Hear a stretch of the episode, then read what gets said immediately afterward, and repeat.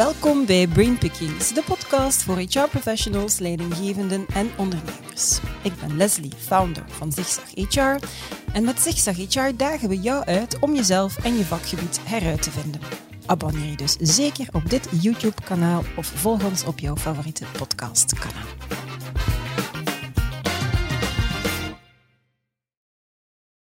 Van welvaart naar welzijn. Stilaan voltrekt zich een nieuw toekomstbeeld, het welzijnsparadigma. Een paradigma waarbij niet de cijfers en de winst, maar de mensen op de eerste plaats komen. Is deze paradigma-shift ook echt aan het gebeuren in de hoofden van de werkende bevolking? En wordt werkbaarheid even belangrijk als werkzaamheid? Kijken mensen anders naar hun loopbaan en handelen ze daar ondertussen ook effectief naar? Is er met andere woorden sprake van een nieuw psychologisch contract waarbij niet langer jobzekerheid en stabiliteit, maar zelfontwikkeling en flexibiliteit primeren? Dat was de aanleiding voor Travant om in 2021 een uitgebreid onderzoek te doen samen met onderzoeksbureau Indivil. En uit die bevindingen distilleerde Roland van Dessel, gedelegeerd bestuurder van Travant, acht sleutels voor een future-proof arbeidsmarkt waarin welzijn centraal staat. En hij koppelde daar ook meteen een tien-puntenplan aan vast. En dat resulteerde dan weer in het boek People First. Een boek over loopbanen en de toekomst ervan en daardoor ook een absolute aanrader, zeker voor HR-professionals en eigenlijk bij uitbreiding voor iedereen die op een of andere manier betrokken is bij de arbeidsmarkt. En in deze podcastreeks zoomen we samen met heel wat experten ter zake in op die acht sleutels. Dit is de tweede aflevering. Ik mag daarvoor in het hoofd kruipen van Fons Leroy voor een gesprek over diversiteit en inclusiviteit. En ook Hilde de Brouw van Travant schuift mee aan. Welkom. Goedemiddag. Goedemiddag. Goedemiddag. Alles goed met jullie? Prima. Klaar voor het weekend, want het is vrijdag als we deze podcast opnemen. Is toch altijd. Ja. Blijft een fijne dag, hè? Weekend is toch altijd nog Friday. iets aangenamer. absoluut, absoluut. Ehm, we gaan erin vliegen. Ja. Goed? Oké, Fons, ik ga bij jou beginnen als ik mag. In Werk en Werkrecepten voor leukere loopbanen, dat je geschreven hebt in 2014 ondertussen, dan roep je op om werk op een andere manier te organiseren en zo meer mensen aan het werk te krijgen. Ik heb dat boek destijds als een pleidooi naar alle stakeholders gelezen om een meer actieve eh, houding aan te nemen, uit een ander vaatje eens te durven tappen en een oproep ook voor meer diversiteit op de werkvloer. Enkel zo zullen we leukere loopbanen krijgen die langer zullen duren voor alle partijen. Twee vragen, op zijn minst, heb ik daarbij in eerste instantie. Welke recepten die je bijna tien jaar geleden naar voren schoof, worden op vandaag nog altijd niet ingezet? En vooral, hoe komt dat dan? Wel, er zijn wel overal aanzetten gegeven, maar Mhm. het is een beetje too little, too late en too slow. Ja, Eh, en dat vooral op twee gebieden eh, die vandaag echt eh, van belang zijn voor de situatie op de arbeidsmarkt, met grote arbeidsmarktkraptes, kwalitatief en kwantitatief. Dat is eerst en vooral dat het loopbaanbeleid eigenlijk een heel fragmentair beleid is. En niet generiek is voor iedereen.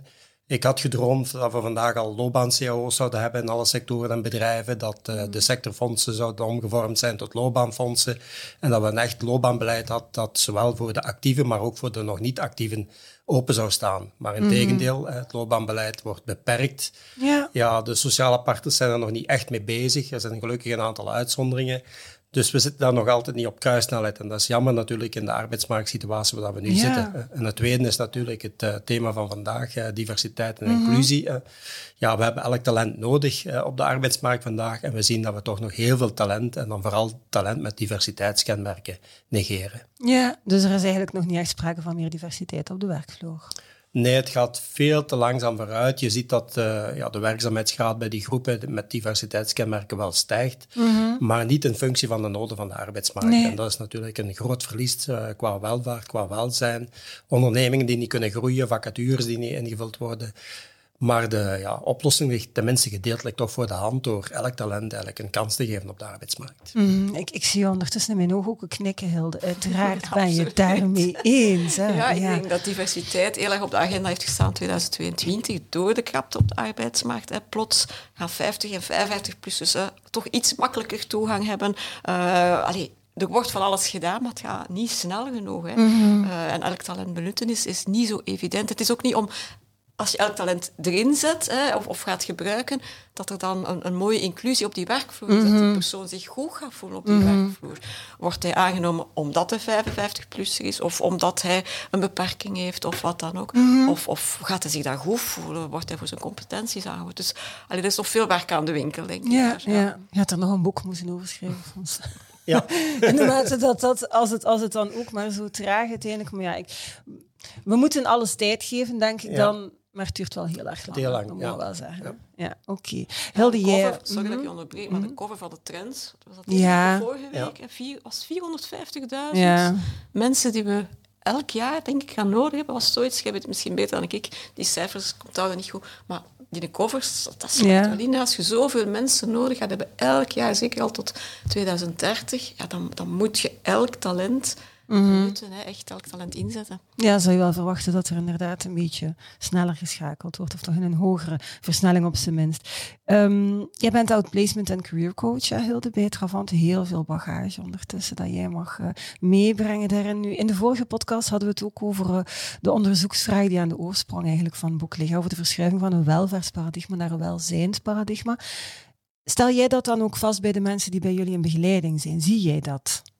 Eh, wij merken dat. eh, wij werken dat vooral omdat wij zien mensen net na een ontslag. Een ontslag is altijd ja, een kantelpunt in een loopbaan. Mensen gaan even stilstaan. We doen ze ook bewust stilstaan, bewust even reflecteren. Waar sta ik nu? Waar wil ik naartoe? Wat kan ik? Wat kan ik niet? Wat kan ik ontwikkelen? Dus je doet mensen reflecteren. We hebben dat gezien, reflecteren. De hele covid-periode was een reflectieperiode voor veel mensen. En dat zorgt ervoor dat mensen door de reflectie eh, inzien dat eh, ja, wat dat ze misschien vroeger deden, de ratrace, eh, de statussymbolen, eh de, de hard, hard werken in een job, dat dat misschien niet meer is wat ze eh, de komende jaren willen doen. Want ze weten, we moeten met z'n allen langer werken. Dus wat ik nu ga doen voor de komende jaren moet, moet duurzaam zijn. Ik moet me daar goed voelen. Ik denk dat dat het belangrijkste is wat dat wij merken. Mensen willen zich goed voelen in een job.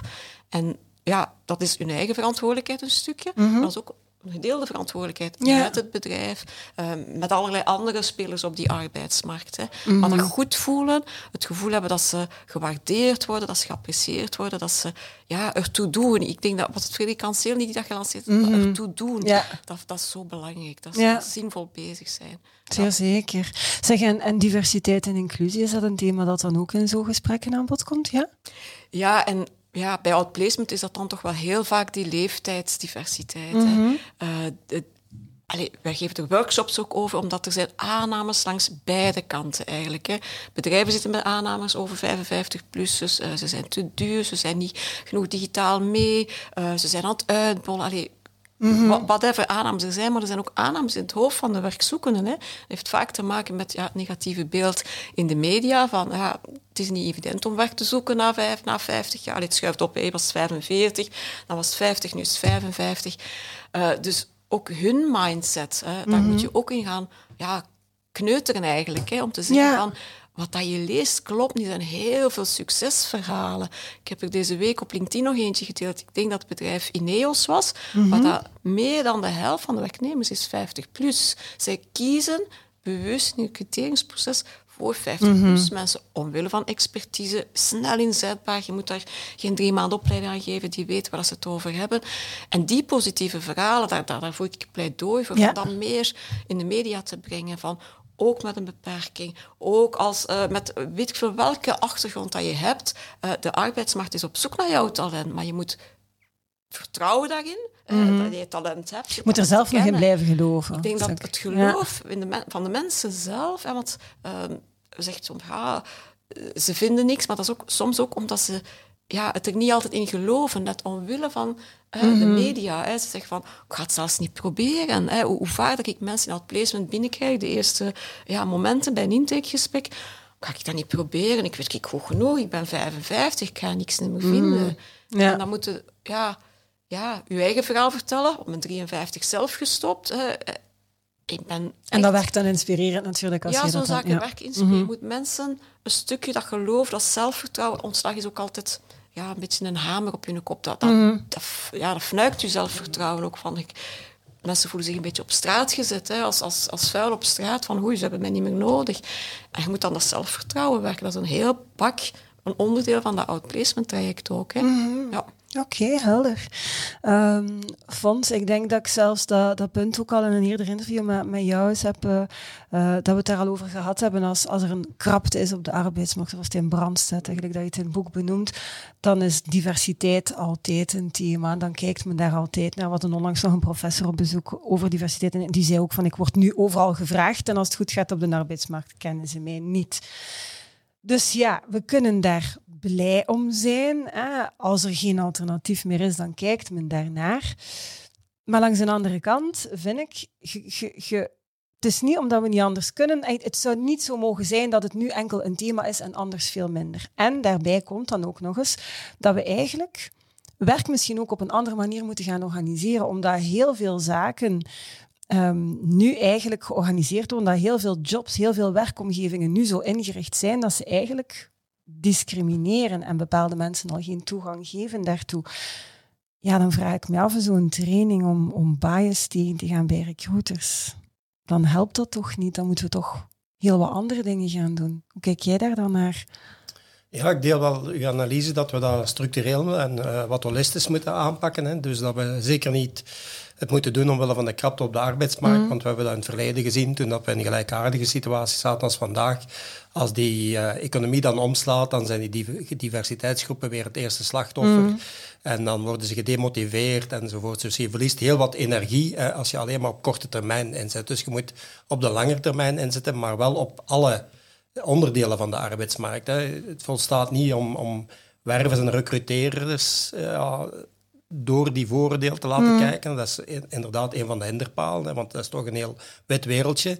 Mm-hmm. Maar dikwijls is die werkvloer ook niet klaar voor diversiteit te omarmen. Hè. Dus we moeten maken dat zowel de onderneming als de werkvloer, als de toelleiders, uh, als de recruteerders, dat die allemaal doordrongen zijn van het feit dat uh, ja, inclusiviteit, diversiteit, dat verschil maakt, ook economisch. Hè. En mm -hmm. dat wordt uh, door heel wat uh, CEO's niet erkend bij gebrek aan, aan, aan, kennis, maar er bestaat hard economisch onderzoek die ja. wijst dat diversiteit juist een sleutel is voor economisch succes van bedrijven. Hè. Dus omdat uiteraard de populatie is divers, dus de noden zijn divers en hoe meer dat je die diversiteit in je bedrijf trekt, hoe beter dat je contacten hebt met je gebruikers mhm. en met je afnemers en de klanten en patiënten enzovoort. Dus ja, we moeten daar veel meer op inzetten, maar zeker niet met één maatregeltje. Het gaat eigenlijk over, uh, zoals Hilde ook zei, het zijn de mensen zelf moeten doordrongen zijn van het feit, ja, mhm. wij moeten kansen grijpen, ondernemingen moeten kansen kunnen bieden.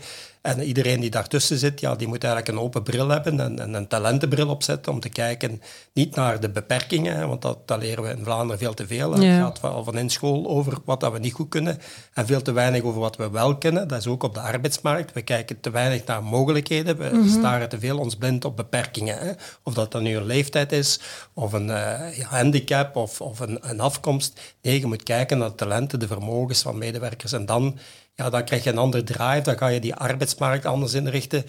Dan moet je inderdaad ook die organisatie anders gaan bekijken. hè? Mhm. Want ja, we moeten nu heel veel mensen uit de ziekte- en invaliditeitsverzekering terug op die arbeidsmarkt brengen. We zitten met de, thematiek van anders actieven te gaan activeren. We zitten met de thematiek van ouderen langer aan de slag te houden. Dat veronderstelt werk op maat. Hè? En dat is toch wel een heel andere kijk mhm. op uh, het organiseren van werk dan vertrekken vanuit functiebeschrijvingen en klassificatiesystemen van het verleden. Nee, dat vertrekt vanuit de talenten en kan dat talent onze organisatie iets bijbrengen. Als daar het antwoord ja is, oké, dan wordt er een oplossing gevonden. Hè.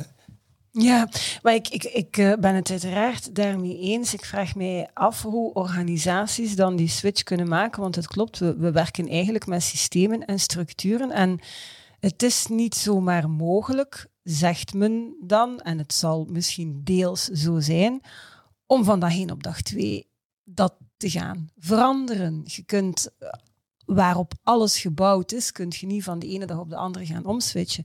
Is dat dan misschien de reden waarom dat bedrijven te traag of nog altijd niet in actie komen? Of, of ik, er moet toch een manier zijn, en je kunt er iets naast laten lopen, maar als ik met bedrijfsleiders of met HR-directeur spreek, dan krijg ik heel van, ja, maar ja, gans ons systeem is daarop gebouwd. We kunnen dat toch niet omvergooien? Ja, maar dan blijven we praten. Ja, maar er zijn toch heel wat mogelijkheden die ook gefaciliteerd worden door de, door de overheid. Hè. Mhm. dat kan gaan van situaties, uh, werkvloer openstellen voor één dag voor personen met beperkingen, tot het gebruik van individuele beroepsopleiding voor mensen met diversiteitskenmerken, maar dat je juist uh, bedrijfsleiders en leidinggevenden overtuigt van de mogelijkheden, zonder dat je ze daarom al direct moet aanwerven. Laat u dat toe om een ander zicht te krijgen over de inzet van talenten. Hè. en ik denk, die mogelijkheden moeten we volop aangrijpen, hè, om, om juist uh, heel die bedrijfswereld duidelijk te maken dat er mogelijkheden zijn en dat de mensen willen werken, dat er heel veel mensen zijn met talent dat niet benut zijn, die willen werken. Uh, als die de kans krijgen om te tonen uh, wat dat ze kunnen, dan wordt dat een heel andere context. Hè. Dan, mm. dan verlaat men dat zwart-wit paradigma dat waar het nu in zit. Heeft men een goede cv of niet? Hè. Mm Een goede cv dat is eigenlijk geen waarborg voor iemand die nee. Duurzaam te includeren in een bedrijf. Maar als hij kan aantonen hè, dat hij bijvoorbeeld... Misschien heeft hij niet 100% de competenties die het bedrijf wil. Maar als hij door die stage aantoont dat hij leervermogen heeft en mm leergoesting heeft dan wordt dat een ideale kandidaat en dan zullen die leidinggevenden, die HR-verantwoordelijk dat ook inzien. het is dit soort ja, wereld dat we meer moeten faciliteren om die brug te slaan tussen die kandidaten en het bedrijfsleven. Ja. Ik denk dat het vooral belangrijk is eh, dat, dat je als bedrijf doordrongen bent van het geloof in de kracht van diversiteit. Ik denk dat dat het belangrijkste is. Als je daar begint, en wat doet diversiteit? Wat ik daar straks zei, je hebt uh, man, vrouw, je hebt uh, iemand van 50 plus, je hebt iemand van 25 plus. Zet dat allemaal samen en die zijn complementair. Je hebt een mhm. probleem en de ene gaat het zo willen oplossen, de andere zo. Je gaat tot andere oplossingen komen voor, voor je klanten, voor intern. Dus geloof in de kracht van die verschillen, dat iedereen zijn uniekigheid heeft en dat je van die uniekigheid moet vertrekken om te zeggen van waar in ons bedrijf zou die nu eigenlijk zijn talent het best laten mhm. opleveren. Want uiteindelijk, we betalen die man, we zetten die in een functie die misschien, misschien maar 50% helemaal matcht met zijn talent, maar laat die functies los en denkt in rollen, ah, we gaan jou nu in die rol zetten. En je kan dat combineren met die rol en met die rol, waardoor die een takenpakket heeft dat geen functie meer is, en waar geen goede mm job description zal bijhoren, maar waardoor dat je wel zijn talenten hè, zo optimaal mogelijk benut, mm waardoor die man zich ook goed gaat voelen, want hij doet dingen wat hij goed kan. Alleen man, vrouw, wie dan ook. Mm -hmm. Ik spreek nu over een man. Opnieuw zijn we zelf niet even. En ik denk, als je als bedrijf doordrongen bent van die kracht van diversiteit, mhm. en dan ook werkt aan die tweede poot waar je zegt, hè, die, die processen in een bedrijf gaat, gaat omdenken, hè, anders mhm. denken. En ik denk dat ja, al, change is altijd moeilijk. Hè. Ik geef continu workshops change, maar als wij op kantoor bij Travant een nieuw intern uh, IT-systeem hebben, heb ik het ook lastig. Is er ook weerstand? Is weerstand is van, des mensen, dat is zo. Mhm. Maar kleine stappen vooruit. En ik denk dat er heel veel goede intenties zijn bedrijven. Hè. Bedrijven met heel veel goede initiatieven. Maar het stopt niet aan de recrutering. Hè. Want oké, mensen binnen doen, uh, om, om, omwille van diversiteitsreden en biases uh, opleiden mhm. daarvoor en zo. Dat is een eerste stap. Maar een keer dat ze binnen zijn, moeten ze, dat mogen we niet vergeten, zich goed voelen. Moeten ze niet denken, ik ben hier aangeworven hè, mm. omwille van diversiteit. Nee, dan gaan we zoeken naar wat is hun talent en hoe kunnen we het optimaal inzetten en benutten. Ik denk dat dat ja, een mindset switch is uh, die zeker in veel bedrijven al leeft, maar dat we nog heel wat sprongen of stappen voorwaarts kunnen pakken. Ja, ja. volgens mij ligt de uitdaging nu, de mindset zal er in, in heel wat organisaties echt wel al zijn. De uitdaging zit hem in de actie. Ik, ik, mis, ik mis de actie nog. Uh, en ik weet het niet of dat, dat alleen in ons land is. Ik ben, ben al te lang in België en zelfs in Vlaanderen om uitspraken te doen over andere landen. Maar ik mis actie, ik mis doen, ik mis aan de slag gaan. Ik vind dat er heel veel gepraat en gebabbeld wordt. Verandering gaat traag, dat is het enige ik Maar dat mag. Ik zeg dat, dat mag. altijd zo'n bedrijf, verandering gaat mm -hmm. traag. Allee, zet dat in je hoofd, dat gaat traag. En elke kleine stap, als hem in de goede richting is, is een mhm. goede stap. Hè. Ja. Zolang dat we geen stappen achteruit pakken, hè, als de arbeidsmarkteconomie weer zou veranderen, zijn we in mhm. de goede richting bezig zoveel mogelijk ja, dat blijven, het woord verspreiden en goede voorbeelden in de media laten komen. Ik denk dat dat belangrijk is. En doen. En doen. Stap heb je gezegd. En doen. Stappen zetten. Oké. Okay. Um, we hadden onlangs een superboeiend gesprek met professor Patricia Zanoni van de Universiteit Hasselt. En ze zei, we moeten ook dringend loskomen van dat idee van de perfect match als we gaan eh, organiseren voor inclusie. En we kunnen beter frictie, ik vond dat fantastisch, frictie en slack inbouwen in het selectieproces. Ze heeft daar toen um, in dat interview een zestal principes naar voren geschoven. En ik vroeg me dan af van, goh, welke principes zouden jullie zo naar voren schuiven? Om zo wat frictie en wat slek in dat proces te krijgen, zodanig dat mensen loskomen. Want ik betrap mijzelf er ook op, hè, als het gaat over aantrekken van talenten. De perfect match, dat klinkt goed. Wat zouden opties kunnen zijn om daar zo wat frictie in te steken? Wel, ik uh, vind bijvoorbeeld open hiring een mm -hmm. heel uh, geslaagde methodiek hè, of, of, toepassing om juist die bias te doorbreken en gewoon mensen binnen te halen. Mm -hmm. Dat contingent is ingevuld. De mensen de kans te geven om zich te ontwikkelen, om zich te tonen op de werkvloer. En dan te kijken wie, wie heeft er ja, de mogelijkheid om zich vast te verbinden met bedrijven. Hè, in plaats mm -hmm. van te vertrekken vanuit functiebeschrijvingen. Oké, okay, we zetten alles open. Mensen die binnenkomen zijn welkom en willen laten zien, uh, ze kunnen tonen wat dat ze waard zijn. Wij kunnen hen faciliteren in hun ontwikkeling. Dat is bijvoorbeeld zo, zoiets mm -hmm. wat, dat je, wat dat je eigenlijk niet weet wat dat je binnenhaalt. Mm -hmm. Dus je stelt je kwetsbaar op, maar tegelijkertijd zie je in die experimenten dat die toch vrij succesvol zijn. Mm -hmm. Binnen bepaalde sectoren, binnen denk bepaalde ik wel. Sectoren, ja, kan ja, niet voor ja. alles zomaar. Uh, nee, maar toch ja, van, van de voeding naar ja. zelfs naar de zorgsector toe heb ik geslaagde experimenten gezien. Mhm. En tweede zaak is wat mij altijd faciliteerde als ik zelf uh, moest werven en selecteren, was juist uh, het gat op het cv, de gaten in de cv. Ja. Hè, omdat daar eigenlijk dikwijls de rijkdom zit van de mens die je niet ziet in, uh, wanneer dat je een, een normaal selectiegesprek Mm. voert. Dus wat heeft, welke competenties, welke passie, welk plezier heeft iemand genoten wanneer dat hij niet aan het werk was. Hè, Mhm. Wanneer dat hij uh, vrijwilligerswerk deed enzovoort. Omdat ik vind, de mens moet je holistisch bekijken. En misschien ligt die match inderdaad niet in die klassieke dialoog over vaardigheden voor de arbeidsmarkt, maar wel op andere uh, vlakken. En dat kan juist uh, inspelen op wat jij zegt, Hilde, hè, die rollen. Hè, welke rollen kun je vervullen? Hoe kan je ze goed doen voelen? Wel, misschien voelen mensen zich veel beter wanneer dat ze iets kunnen doen in het verlengde van hun vrijwilligerswerk dan wat dat ze formeel deden. Hè. Maar dat moet in een gesprek naar boven kunnen gaan. Ja. Hè. Dat zijn ja, cv's, die gaat in de cv's, daar wordt niet over gesproken. Hè. Mhm. Maar dat is juist... Uh, Of als er over gesproken wordt, is het vaak negatief. Is het negatief, ja. hè, want Ja. je bent uh, thuis gebleven om de kinderen op te voeden, dus je hebt eigenlijk niks gedaan. Je wordt gestraft. Terwijl dat je eigenlijk ja. heel veel competenties hebt gedaan, Mhm. die eigenlijk met een heel korte uh, ondersteuning kunnen leiden, bijvoorbeeld naar uh, zorgjobs toe of naar onthaaljobs toe of, of andere soorten jobs op de arbeidsmarkt, wat er Mhm. nu tekorten van zijn. Ik ben zo blij dat je dat zegt, want je wil niet weten hoeveel mensen schrik hebben over gaten in hun cv. Mm -hmm. Dat is een vraag die je bijna altijd krijgt. Ik heb ooit een man gehad, die was drie jaar thuis geweest en die had dus niks op dat cv staan, gewoon een gat van drie jaar. Hè. En ik zeg, ja, maar wat heb je gedaan en waarom staat daar niks op van, invulling? En die was dus drie jaar huisman geweest, hè, drie kindjes thuis, uh, verschillende leeftijden. En ik had zo wauw, respect hè, als huisman thuisblijven mm -hmm. voor jouw gezin. Hè, en, en, wat heb je daar allemaal uit ge geleerd? Ja. Hè? Waarom heb je dat gedaan? Ik heb hem daar ook het verhaal over laten vertellen.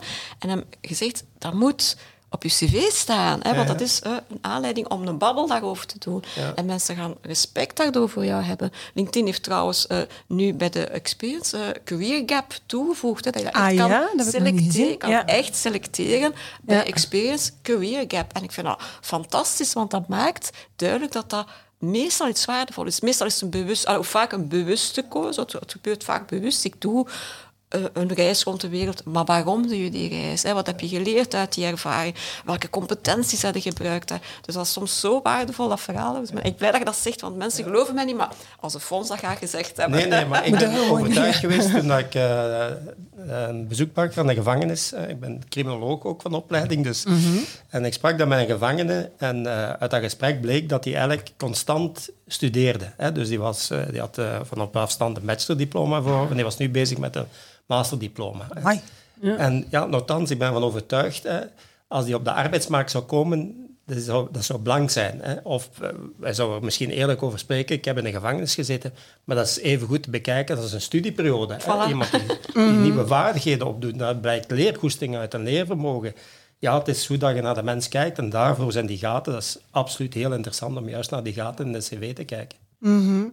Ja, en het moeten zelfs misschien nog geen gaten zijn. Wat dat bij mij dan ook oproept, is dat we, uh, een, een te, dat we te hiërarchisch kijken naar een aantal zaken. Als je bijvoorbeeld competenties hebt verworven tijdens een gapjaar in de gevangenis of gewoon op een job, maar dat vertaalt zich niet naar een diploma waarin diezelfde competenties verondersteld worden verworven te zijn, dan is de, die, dat diploma is meer waard dan die competenties. Ja, dat terwijl dat dat niet zo...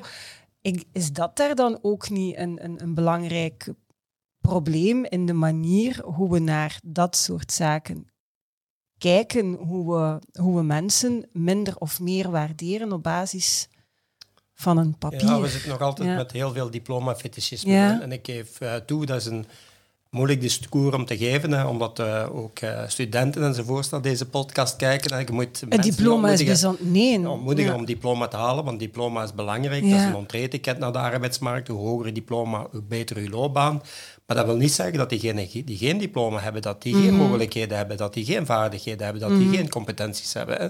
En dus ja, ik zie nog dat we ja, enerzijds te veel lijden aan diploma-fetischisme en daardoor dat talent zonder diploma negeren. Mhm. En tegelijkertijd dat we dikwijls, zeker in de wereld van beschermde beroepen, hè, nog zitten met ja, beroepsopvattingen die dateren van de vorige eeuw. Waardoor dat eh, bepaalde taken ook niet kunnen uitgeoefend worden, want die vallen dan zogezegd onder een beschermd beroep. Terwijl iemand anders met minder vaardigheden of minder studie hè, dat even goed zou kunnen uitoefenen. Hè. Dus we zitten ook nog veel te rigide soms in de beschermde beroepen, waardoor dat we bijvoorbeeld in de zorgsector, hè, waardoor dat ja, alles door verpleegkundigen of door artsen moet gebeuren en waardoor dat zorgkundigen veel minder Ja. mogelijkheden hebben. Dus we moeten die ook globaal, die arbeidsorganisatie, durven aanpassen in functie van de mogelijkheden van vandaag. Onze bevolking is hoger geschoold dan ooit tevoren. Dat geldt ook voor de mensen die zo gezegd lager geschoold zijn. hè. Ook zij staan sterker dan Ja. dat ze vroeger op de arbeidsmarkt waren. Maar als je dan nog zit met oude paradigma's, die maken dat ze die mogelijkheden en die, die opportuniteit niet kunnen invullen, ja, dan, dan verliezen we eh, talent. Ja, ja. En dat is vandaag op de arbeidsmarkt natuurlijk bijzonder jammer. Mhm, Ja, nu, mijn opmerking was zeer zeker geen pleidooi. En ik vind het wel goed dat je dat dan ook zo benadrukt hebt, van dat het diploma niet belangrijk is. Wat mijn vaststelling is, is dat als je bijvoorbeeld twee kandidaten hebt in een sollicitatiegesprek en de ene persoon heeft een diploma dat vereist is, de andere persoon heeft een ander diploma, maar niet dat ideale diploma, perfect match gewijs, maar heeft die competenties eigenlijk opgedaan op andere type jobs. Eigenlijk zouden die alle twee evengoed waarschijnlijk die job kunnen doen. En toch zal dat diploma doorslaggevend zijn, omdat het het juiste diploma is. Dat is een beetje het punt dat ik wou maken, dat je eigenlijk wat je leert en wat je verwerft en wat daarvan diploma een bewijs daarvan is, je kan dat niet voor andere competenties en skills. We, waarderen die eigenlijk niet op een gelijkwaardige manier als dat een diploma dat nu waardeert. Dat is een beetje het punt, denk ik, dat ik Ja, maar die diplomavereisten staan ook nog altijd, of heel vaak in de vacatureteksten. Ja. Dus dat maakt al dat die tweede persoon die het diploma niet heeft, heel vaak aan die sollicitatietafel Al niet gaat beginnen, want maar die gaat al niet beginnen. solliciteren. Ja, Die komt dan bij mij, ja, maar ja, ze vragen een bachelor. Ik zeg, maar baan 9, kunt jij dat? Solliciteer. Mhm. Allee, wij geven dan die push hè, als outplacement coach, maar heel veel mensen gaan echt niet aan die sollicitatietafel geraken, gewoon omdat het in de vacaturetekst staat. Ja. Dus die vacatureteksten zijn ook nog soms vanuit een ver verleden, dat blijft maar gekopieerd en gepeest worden. En ze behouden dat terwijl dat diploma al lang geen vereiste meer is in die job. Hè. Mhm. Absoluut niet. Dus ja, dat is, dat is super jammer. Wij Ja. ervaren dat elke dag. En dat houdt heel veel diversiteit, hè, Absoluut. diversiteit tegen. Mensen die zichzelf uitsluiten. Die zichzelf dan een stukje gaan uitsluiten Mhm. om mee te solliciteren. Ja, ik dacht dat diezelfde Patricia Zanoni had gezegd dat jobs in dat opzicht een glazen muiltje zijn. Zo omschreef zij dat van. Het is zodanig omschreven. Zij zei jobs zijn zelfs niet neutraal, want meestal worden vacatures voor jobs geschreven op maat van de persoon die vroeger het muiltje droeg. En door dan inderdaad die diploma vereisen en die ervaring die die persoon had opgebouwd of had, daar als vereiste te stellen, ga je heel veel andere mensen op, er, ja, op voorhand gaan uitsluiten. Dus ik vond dat was heel mooi eh, qua beeldspraak, vond ik persoonlijk. Ehm, vond, ik mocht ook al eens eh, een paar keer in het hoofd kruipen van Herman Konings en Trend. Was van een superboeiende man, toffe podcast altijd. Maar de laatste opname was die blijven doorbomen over, ik kende het niet, een Amerikaans televisieformat Alter Ego. Ik heb dat natuurlijk even opgezocht op, eh, op YouTube. En dat is eigenlijk ja, een programma in de Verenigde Staten waarin dat talent uit alle lagen van de bevolking dus ook zo'n een show, hè. ze mogen dan zingen. Hè. Maar wat is daar zo speciaal aan? Ze staan eigenlijk backstage dankzij augmented reality, ze krijgen dus een, een, een gans pak aan. Ze kunnen eigenlijk een identiteit creëren voor zichzelf. En de jury ziet die avatar die ze voor zichzelf hebben gecreëerd. Dus eigenlijk... Een beetje een technologische masked singer. Ja. Zo. Ja, ik denk dat je het zo'n beetje kan eigenlijk om, omschrijven. Wat, wat eigenlijk subliem is, omdat je op die manier mensen die er niet uitzien zoals je er idealiter uitziet in de entertainmentsector, niet uitgesloten kunnen worden. Want je hoort de stem en, en, en het verhaal en zo verder. Enfin, ik, dat deed mij dan natuurlijk denken aan een ander boek van Zaya had geschreven, Work Action Heroes, wat eigenlijk een beetje hetzelfde verhaal is. Hè, van, we kijken eigenlijk naar, naar mensen op de arbeidsmarkt. We, zien die superhelden alle dagen, maar we herkennen ze niet omdat we hun alter ego zien. Hè. Uh, bijvoorbeeld een ongekwalificeerde jongere, een arbeidsgehandicapte, 50-plussers, een timide sollicitant, noem maar op. Ja, eigenlijk lijken ze de kneusjes, maar hebben ze, ik weet niet veel, superpower dan dacht ik van hoe kunnen we met dat gegeven, met dat concept, want ik vond dat destijds extreem succesvol, hoe kunnen we daar misschien opnieuw mee aan de slag? Of hoe kunnen, hoe kunnen we dat gedachtegoed terug laten, laten leven? Beelden werken ook heel vaak heel goed. Ja, ik denk, ja, we zitten nu uh, in de filmindustrie met de Marvel -hmm. revival, dus ja, we worden meer en meer doordrongen door, uh, door dat superheld discours. Mm -hmm. En ik wil daar ook mee zeggen, ja, de superheld... Uh, Spider-Man bijvoorbeeld, Peter Parker, het alter ego, dat is eigenlijk een uh, introverte jongen, mm -hmm. eigenlijk een kneusje. En ofwel kijken we dan naar Peter Parker, ofwel kijken we naar Spider-Man. Als we kijken naar Spider-Man, dan zien we iemand met gigantische mogelijkheden. Als we ons blind staren op uh, Peter Parker, ja, dan, dan blijven we met dat kneusje. Mm -hmm. hè. Maar dat doet me niet besluiten om eigenlijk te zeggen dat we mensen moeten anonimiseren. Ik, ik mm -hmm. hou niet van, uh, okay. van die game, ik hou niet van anoniem solliciteren, ik hou niet van sollicitanten die zich verkleden als Maas Singer omdat dan de mens... ook niet van het programma. nee, ja. nee, grapje, grapje. Ja. ja. Nee, de mens gaat verloren. De mens is, een, ah. is holistisch. Het beeld van de mens. Uh, Oké, okay, ik weet dat zijn stappen, wat dat de voorstanders daarvan zeggen, het is een weg naar diversiteit. Mm -hmm. Maar eigenlijk, ja, die mens die gaat zich dan toch moeten tonen op de werkvloer. Ja. Hè? En dus op de tonen, op de werkvloer komt hij weer als mens in zijn heelheid naar voren. Ja. En het is juist die heelheid die zorgt dat je de, de echte mens ziet waar mm. dat je een relatie mee kunt opbouwen. En, en aspecten van de mens die je niet ziet als hij de Maas Singer speelt of als hij anoniem solliciteert.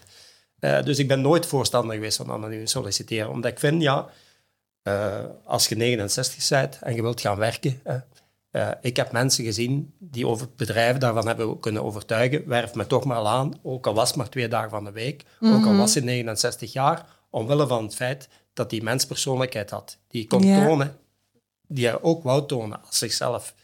En ik denk, ja, vandaar ook dat ik in die, in die Work Action Heroes altijd heb gezegd, ja, we moeten de mens die talentenbril altijd opzetten, mm -hmm. hè, die competentiebril. En dan zie je altijd dat superheldengal.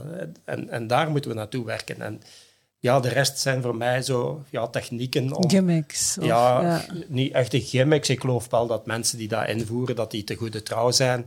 Maar je ziet ook bijvoorbeeld in Frankrijk, wat dat men gigantisch veel geëxperimenteerd heeft met anoniem solliciteren, uh -huh. dat dat eigenlijk niet geleid heeft tot kleurrijke werkvloeren, duurzame kleurrijke ja. werkvloeren. Ja. Wel tijdelijk, maar niet duurzaam. Hè? Dus duurzame relaties tot stand brengen hebben we nu nodig in de arbeidsmarkt met de arbeidskrachten. En daarvoor moet je als mens jezelf kunnen tonen ten opzichte van de mens-ondernemer, ten opzichte van de mens-leidinggevende, ten opzichte van de mens-recruiter. En als je dat kan tonen, en, en je sprak daar eigenlijk ook over, Hilden, hè, je, jezelf kunnen doen, voelen, goed voelen. Ja, je voelt je goed, niet met een masker op, hè. je mm -hmm. voelt je goed met je eigen gezicht. Hè. En, en dat is de uitdaging op de, op de werkvloer. Hè. Hoe ja, kan je mensen ja. je goed laten voelen zoals ze zijn? Hè. Ja. Ik denk dat het belangrijk is dat zowel de mensen zelf, die kneusjes, zodat jij het over, mm -hmm. die geloven dat ze superheld zijn. Ja. Dat ze zijn het. Elk van ons is een superheld. Elk van ons heeft talenten, heeft competenties. Maar het is het geloof dat je dat hebt hè, en dat mm -hmm. dan kunnen uitstralen. Uh, en ik denk dat daar coaching, een stukje wat dat wij in loopbaancoaching, een stukje in outplacement, daar wel helpt. Mensen doen nadenken over wat heb ik allemaal in het verleden gedaan, welke yeah. competenties heb ik eigenlijk allemaal.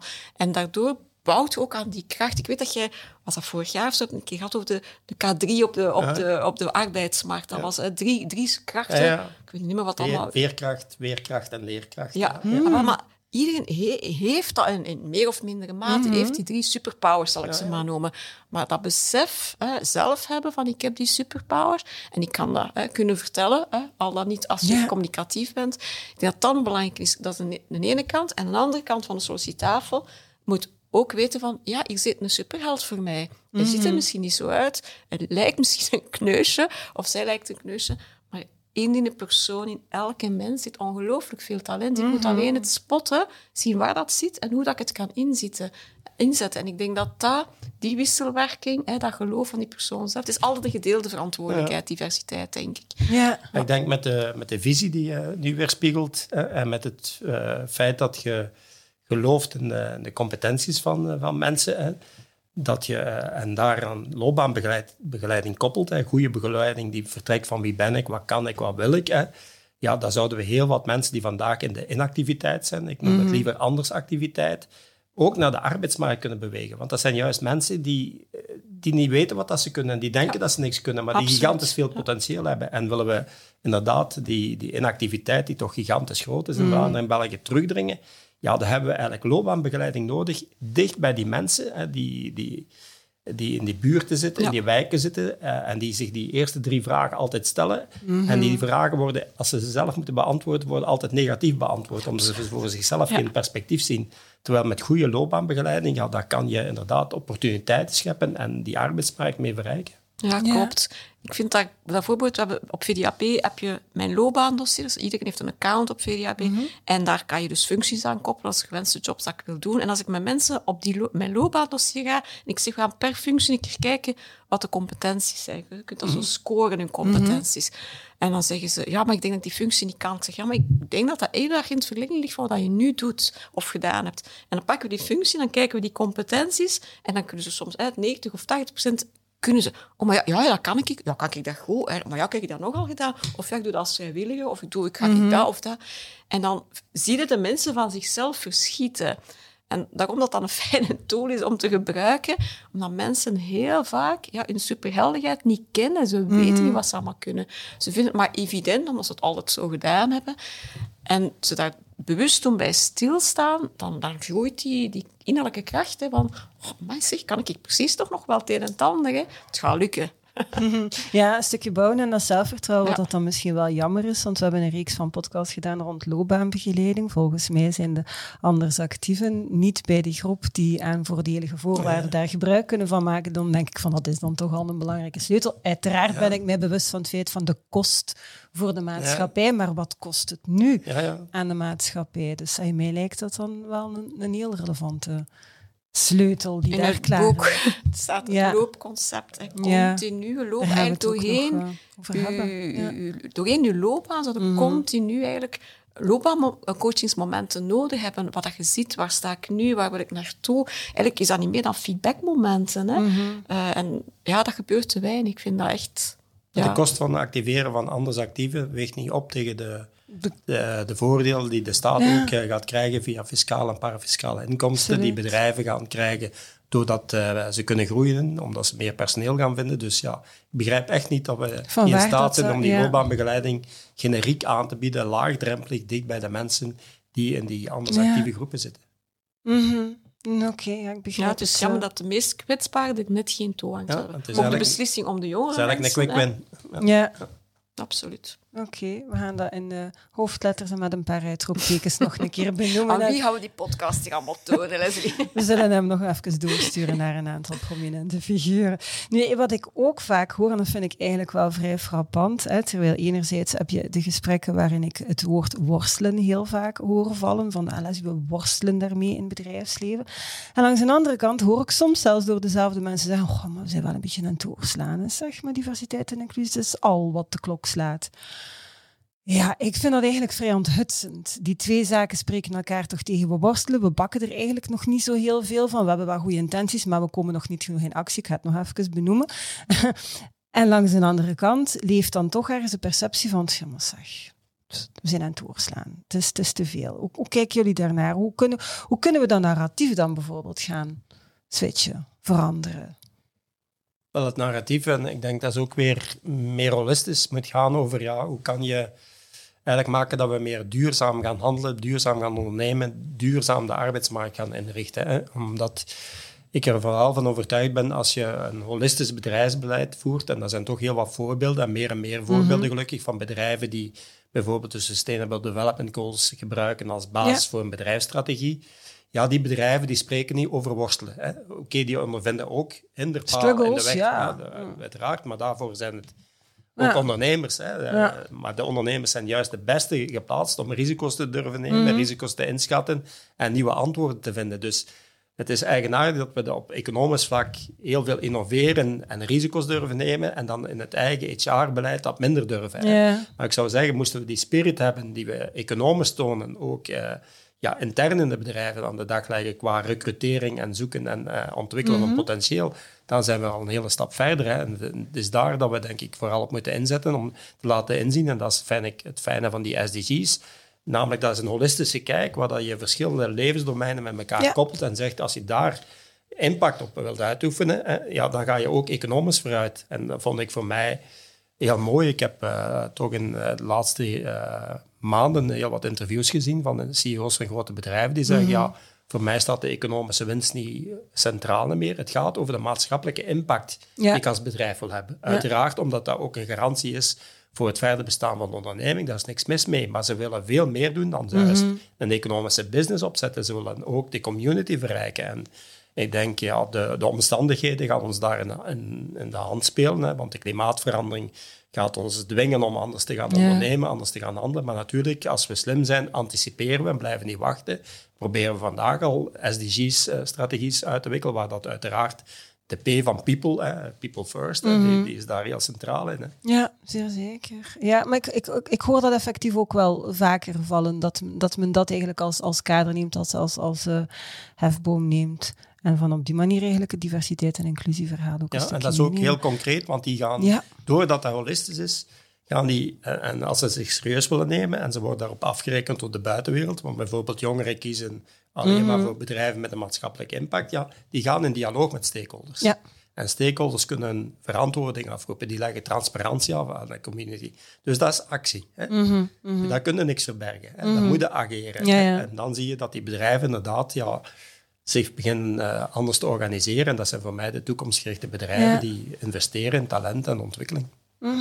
Mooi. Hilde, wat vind Ja, mooi daarvan? Ja. Ik, vind, ik vind op zich, wat wat mij opvalt, is dat we met onze hele maatschappij altijd maar hebben over inderdaad duurzaam. Hè. Duurzaam Mhm. op vlak van, van milieu, moeten consumeren, moeten eh, ethisch verantwoord bezig zijn.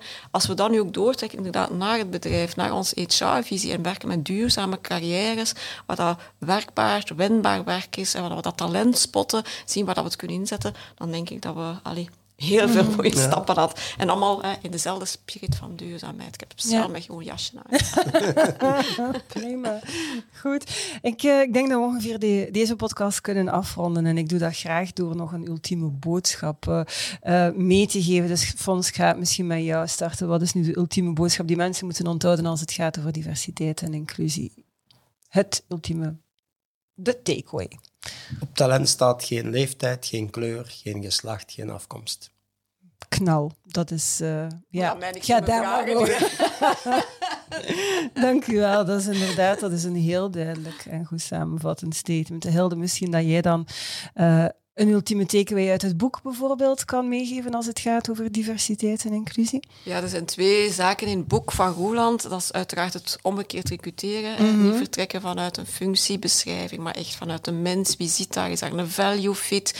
Eh, we zijn daar ook bij, met Travans zeer fel op aan het inzetten op die value fit. We werken nu samen met Twegos, eh, waar dat ja. mensen eigenlijk gaan zien van hè, hoe fit ik hier? Wat zijn mijn waarden? En hoe kan ik die doen? Eerste cultuur. koppelen. Ja, Ja. echt eerst waarde, eerst cultuur. Eh, en dan het tweede, ja, dat loopconcept waar ik daar straks zei. Ja. Dat, eh, we gaan dat binnen een paar Daar gaan we een volledige podcast, hebben. eh, maar, aan eh, vind wijden. ik zo Ja. fantastisch. Mm loopbaanbegeleiding, eh, continu. Waardoor dat je eigenlijk misschien op lange duur geen outplacement gaat nodig niet meer hebben. Ja, Ja. ja. oké. Dus dan heb je eigenlijk niet alleen, dan heb je niet alleen een ultieme boodschap meegegeven, maar meteen al een cliffhanger voor een van de volgende podcasts. Dus voilà, Voilà. bij deze. Dankjewel voor het eh, heel fijne gesprek. Alles Graag gedaan. Jij bedankt. Bedankt, Ja, Hilde. Voilà, deze aflevering zit erop en volgende maand zijn we er opnieuw met een aflevering in de reeks van Travant. En dan mag ik in het hoofd kruipen, heb ik begrepen van Patricia Oeyens, is co-founder van de Recruiters Academy. Dat is een kennisplatform en een veilige community door en voor recruiters gemaakt. En dat wil je natuurlijk voor geen geld ter wereld missen. Abonneer je dus zeker op dit YouTube-kanaal of volg ons via jouw favoriete podcast-app. Het allerbelangrijkste, dat weten jullie natuurlijk al heel erg lang, it's a great time to be in HR. En niet vergeten, people first. Tot de volgende.